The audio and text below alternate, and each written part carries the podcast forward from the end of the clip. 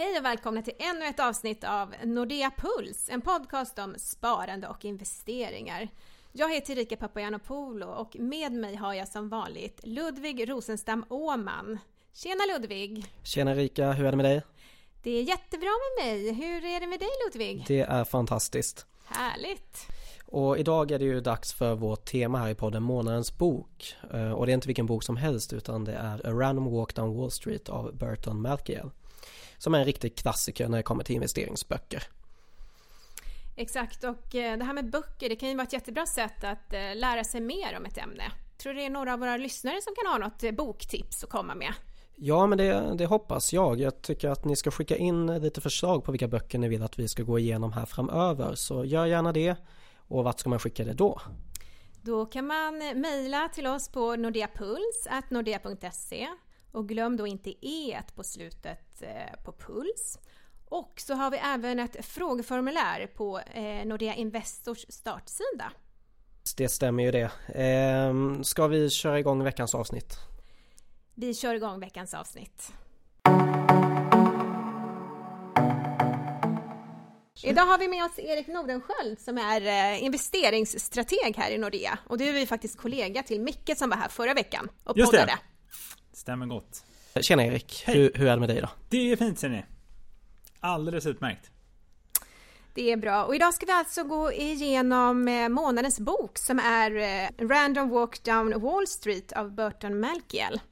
Jajamän, en riktig kioskvältare. En riktig kioskvältare. Men du, eh, du har ju läst den här boken ett antal gånger tror jag. Ja, det är väl kanske att ta i, men jag har väl läst brottstycken flera gånger kanske. Men när, när läste du den här boken första gången? Nej, det är inte så länge sedan. Eh, utan det är nog något år sedan kanske bara. Även om boken är lika gammal som jag.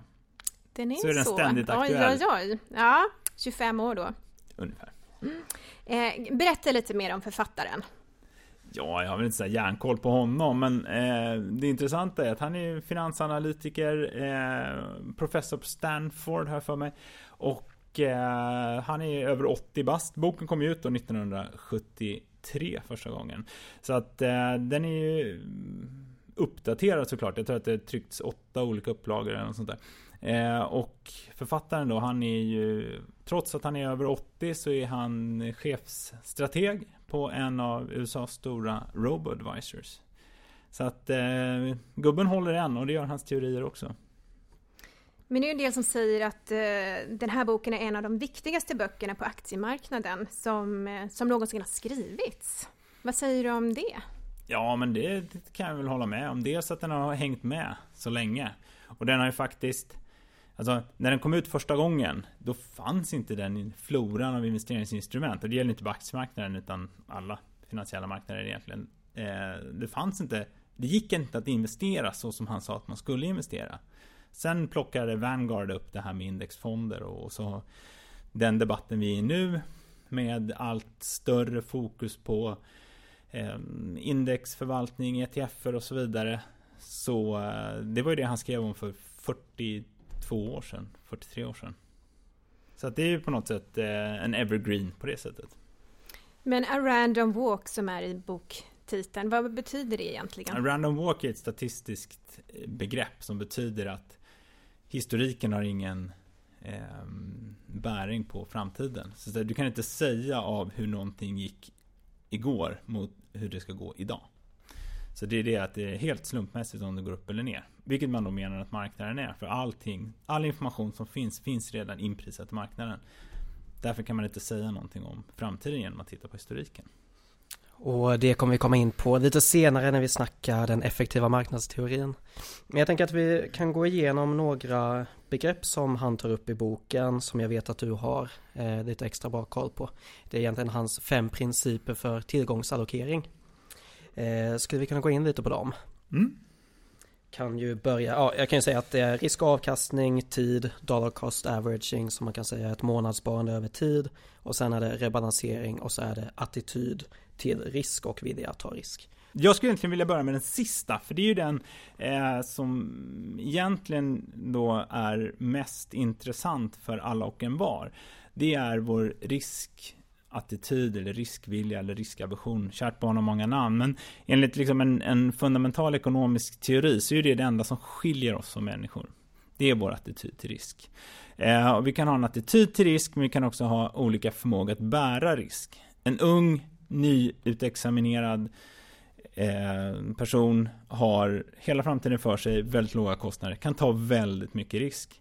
En så att säga, förtidspensionerad eh, eller sjukpensionerad person med höga månadskostnader har mycket svårare att ta risk för att man har mycket eh, kortare tid att ta igen eventuella förluster. En 26-åring kan ju bara vänta två marknadscykler och är fortfarande bara 42 och pengarna ska användas när man går i pension. Men tar pengarna, går pengarna i, tappar pengarna i värdet för någon som är, är gammal så finns det ingen tid att ta igen det. Det påverkar då utöver ens egen förmåga att, att så att säga bära risk eller tycka om risk. Det är egentligen hur reagerar jag som person när marknaden går ner.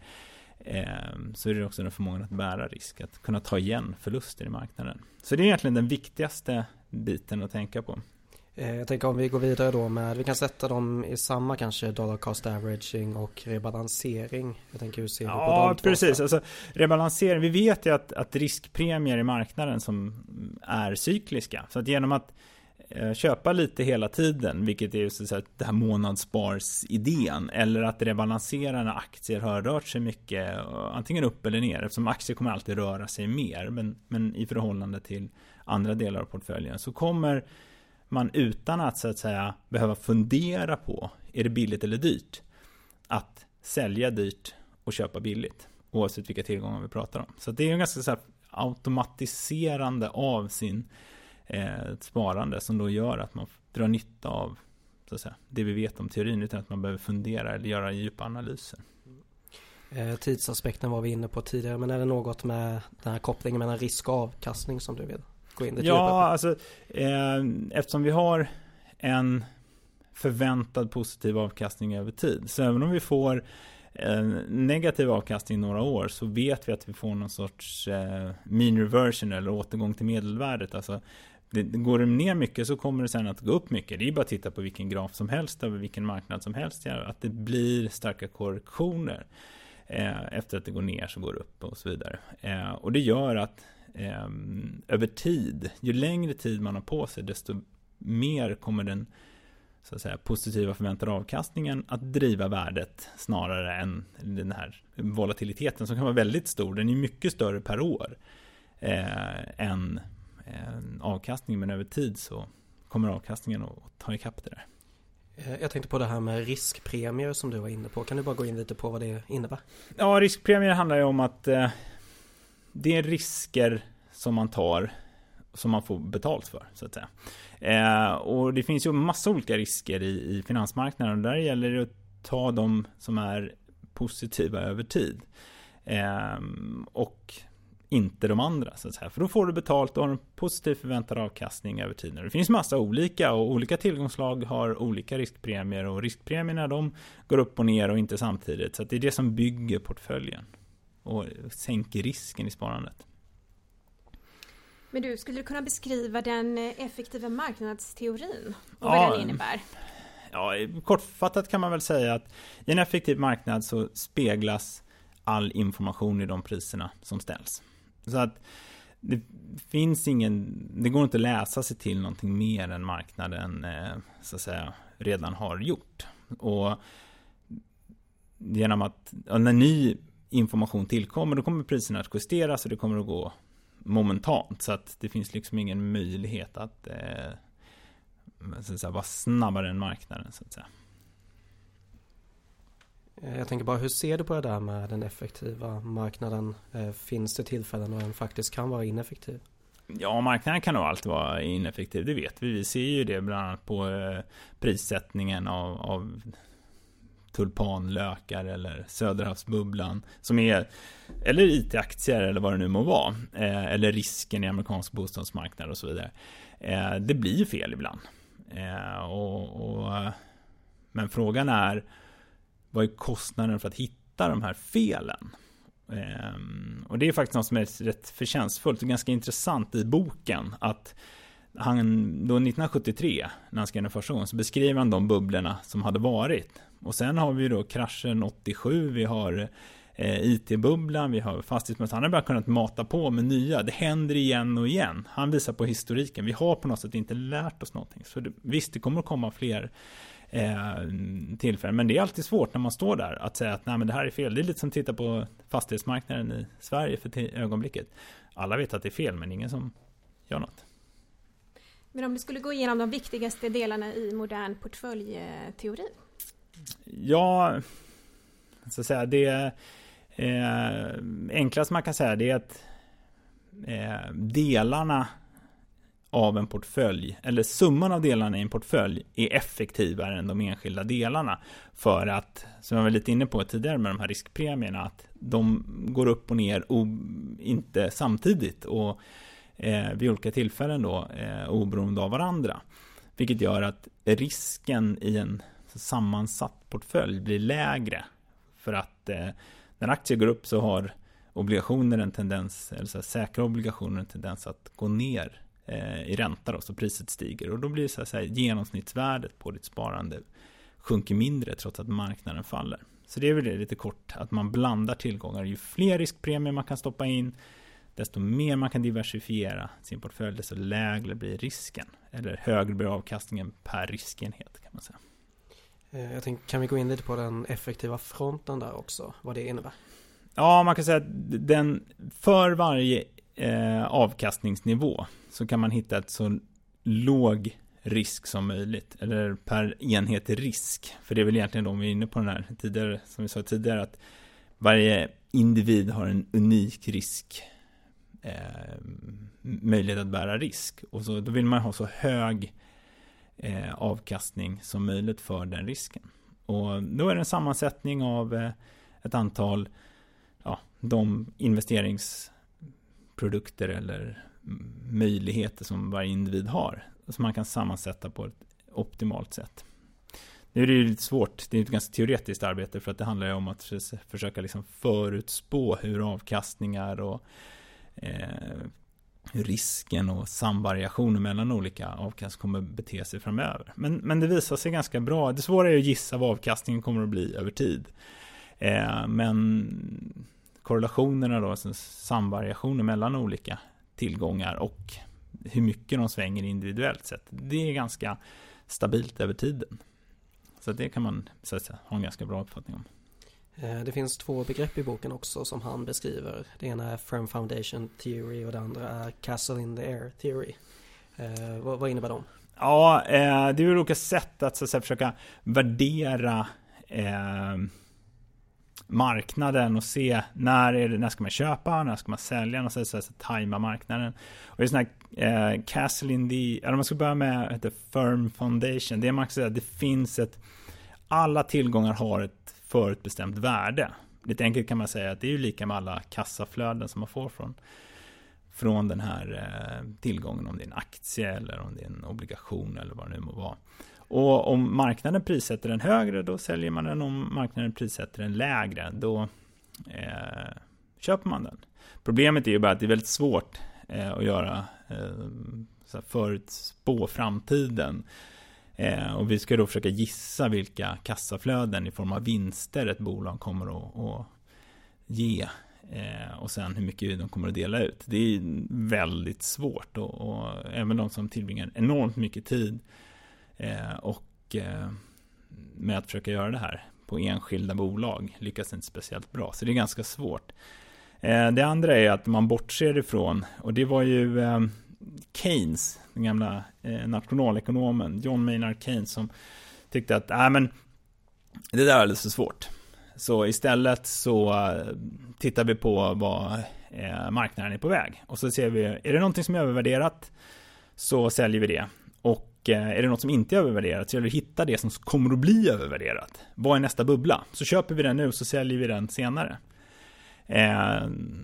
Och det är väl ganska fiffigt i sig. Men det är ganska svårt eh, att eh, då förutspå vart marknaden är på väg. Framförallt är det väldigt svårt att säga när är toppen nådd. Jag menar när snittpriset i Stockholm var 60 000 per kvadratmeter.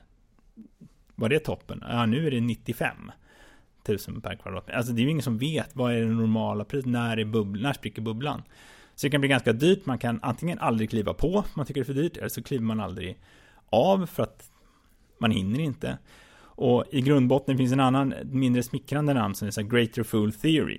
Att du köper någonting för att du tror att du kan sälja det dyrare sen.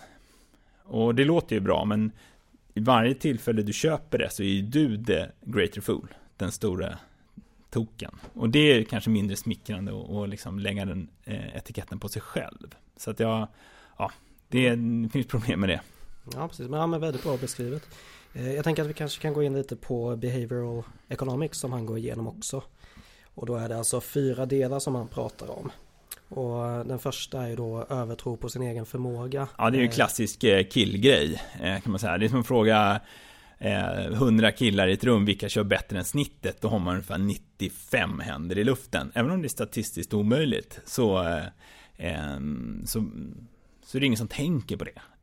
Och man, och det, det, är lite likadant på, på marknaden. Det där är tydligt manligt och kvinnligt. Att män överskattar sin egen förmåga att förstå hur marknaden funkar. Att, att kunna särskilt hitta de billiga, sälja de dyra, kliva av. i Ja, jag kan kliva av i tid, inga problem, det här fixar jag. Medan kvinnor i större utsträckning låter bli att investera för att man inte förstår eh, riskerna och därför håller sig borta. Så båda är ju dåliga, men av olika anledningar. Men, men eh, eftersom investeringsvärlden är alfahannens spelplan så är det ju det som dominerar. Nu måste jag bryta in här som en kvinna, men du menar om man är duktig då som kvinna och investerar, då kanske vi blir ännu bättre menar du? Är det det du säger? Ja, risken att ta de här felaktiga riskerna är ju mindre hos kvinnor skulle jag säga. Mm, vi har lite mer is i magen kanske? Eh, ja, det är väl den här gamla klassiska Lehman Sisters som Christine Lagarde pratar om. Frågan är om Lehman Sisters hade gått i konkurs. Eh, och det tror jag att så hade nog inte varit fallet. Utan det, det, det är en tydlig skillnad kan man säga hur män och kvinnor investerar. Mm. Det är intressant. Det kanske vi kan eh, återkomma till i ett annat avsnitt. Det här med kvinnligt och manligt investerande. Det tycker jag absolut. Ehm, eh, nästa grej här som man tar upp är ju alltså felaktiga slutsatser. eller judgment biases som han pratar om. Ja, precis. Det är lite det där att vi, människan är expert på att hitta mönster. Och vi hittar mönster i även rent eh, statistiskt, eh, eller rent slumpmässiga eh, sammanhang. För att vi, eh, människan är på något sätt socialt skolad på det sättet. Genom att hitta mönster så kan vi förutspå eh, framtiden. Men finns det inga mönster så hittar vi dem i alla fall. Och det är lite det som så säga, teknisk analys går ut på. Och, eh, ja, det finns massa exempel på hur eh, vi luras av det som är slumpmässigt. Men du tänker när du ändå säger det, teknisk analys, för det är ju författaren, han är ju lite eh, negativt inställd till det. Ja, alltså en teknisk analys bygger på något sätt att det finns en eh, att det inte är random walk. Det finns någonting information i historiska priser som säger någonting om framtiden. Men den informationen enligt författaren då och eh, säga, litteraturen i eh, akademin också. Den informationen är allmänt tillgänglig. Då måste den ju speglas i priserna. Så därför så faller det på sin egen orimlighet att eh, att det skulle gå att förutspå framtiden genom att titta på historiken. Men det kommer in på nästa punkt, eller en av de andra punkterna, och det är ju det här gruppbeteendet, eller flockbeteendet. Eh, att om alla vet att man ska sälja när den når en viss nivå, ja men då kommer ju alla att sälja där och titta då, då stämmer ju det. Men det har ju liksom ingenting med mm, logiken att göra att, att det skulle vara någon det skulle sluta där eller inte. Eh, liksom att priset stoppar av någon fundamental anledning. Utan om alla tittar på det tillräckligt mycket så, eh, så kommer det bli självuppfyllande. Och det kanske funkar i kortsiktigt, men långsiktigt så har det ingen bäring. Perfekt, då fick vi med lite flockbeteende där också. Om vi eh, skulle köra den sista med, där han pratar om förlustaversion som också är en sån här bias som vi har som människor. Ja, precis. Och det, igen kan man ju då ta fastighetsmarknaden. Eh, när marknaden är stekhet, då vill alla sälja sina hus, ta hem vinsten. Men tappar marknaden, eh, då försvinner alla objekt från marknaden. För det är ingen som vill sälja dyra, eh, billigare än vad man köpte. Vilket då gör att då är det ju ingen som säljer och så är marknaden ja, sidledes. är det någon som stackare som tvingas sälja ändå, så kanske, men marknaden går ner mycket mindre för att ingen säljer. Så det är ett sätt att, att eh, man vill eh, undvika att ta förluster, vilket är irrationellt, för att en dålig investering blir inte bättre för att man sitter på den länge, utan snarare tvärtom. Eh, men, men det är också hela historiken Eh, det är bara att titta i vilken tidningsartikel som helst. Eh, eller tidning som helst med köpråd på aktier. Det är köpråd, köpråd, köpråd. Men ska du slå index så måste du sälja lika många. Ibland kommer det upp något säljråd. Men det är en enorm övervikt på att man ska köpa vinnarna. Och inte sälja förlorarna.